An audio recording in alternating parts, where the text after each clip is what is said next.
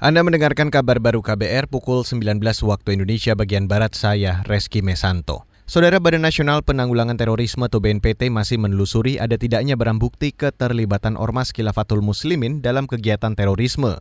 Kepala BNPT Boy Rafli Amar mengatakan organisasi Khilafatul Muslimin secara korporasi belum diproses berkaitan dengan undang-undang terorisme.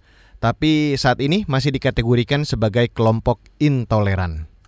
Yang dalam konteks ini sedang diamati apakah memiliki rencana-rencana dengan kekerasan atau violent extremism.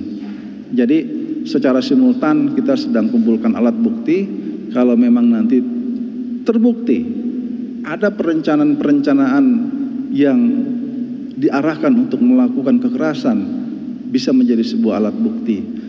Kepala BNPT Boy Rafli Amar menambahkan pimpinan Khilafatul Muslimin secara pribadi ditengarai memiliki kaitan kejahatan dengan kekerasan. Akan tetapi saat ini pemerintah sedang fokus penertiban dengan masalah lembaga pendidikan. Sebelumnya kepolisian menangkap sejumlah orang yang diduga terkait kelompok Khilafatul Muslimin. Kelompok ini diduga menyebarkan ideologi khilafah untuk menggantikan Pancasila. Sebanyak 23 orang ditetapkan sebagai tersangka. Beralih ke berita selanjutnya, Saudara. Kalangan anggota DPR menyambut baik rencana pemerintah memperlakukan syarat wajib booster bagi masyarakat dalam sejumlah kegiatan. Anggota Komisi Kesehatan di DPR, Rahmat Handoyo, mengatakan, syarat wajib booster masuk mal atau melakukan perjalanan dengan angkutan umum bisa menjadi strategi positif untuk meningkatkan capaian vaksin booster di tanah air. Dikutip dari Antara, Rahmat mengatakan saat ini partisipasi publik untuk mengikuti vaksin mulai mengendur.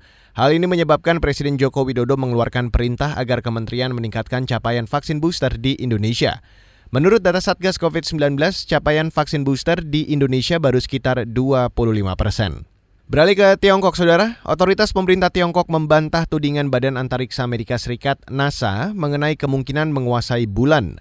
Dikutip dari Reuters, pemerintah Tiongkok mengklaim program antariksa mereka hanya bertujuan membangun komunitas negara-negara di luar angkasa. Petinggi NASA sebelumnya mengatakan khawatir dengan program luar angkasa Tiongkok di bulan. Pemerintah Tiongkok gencar melakukan program luar angkasa dalam 10 tahun terakhir dengan fokus eksplorasi bulan. Dan saudara, demikian kabar baru saya Reski Mesanto.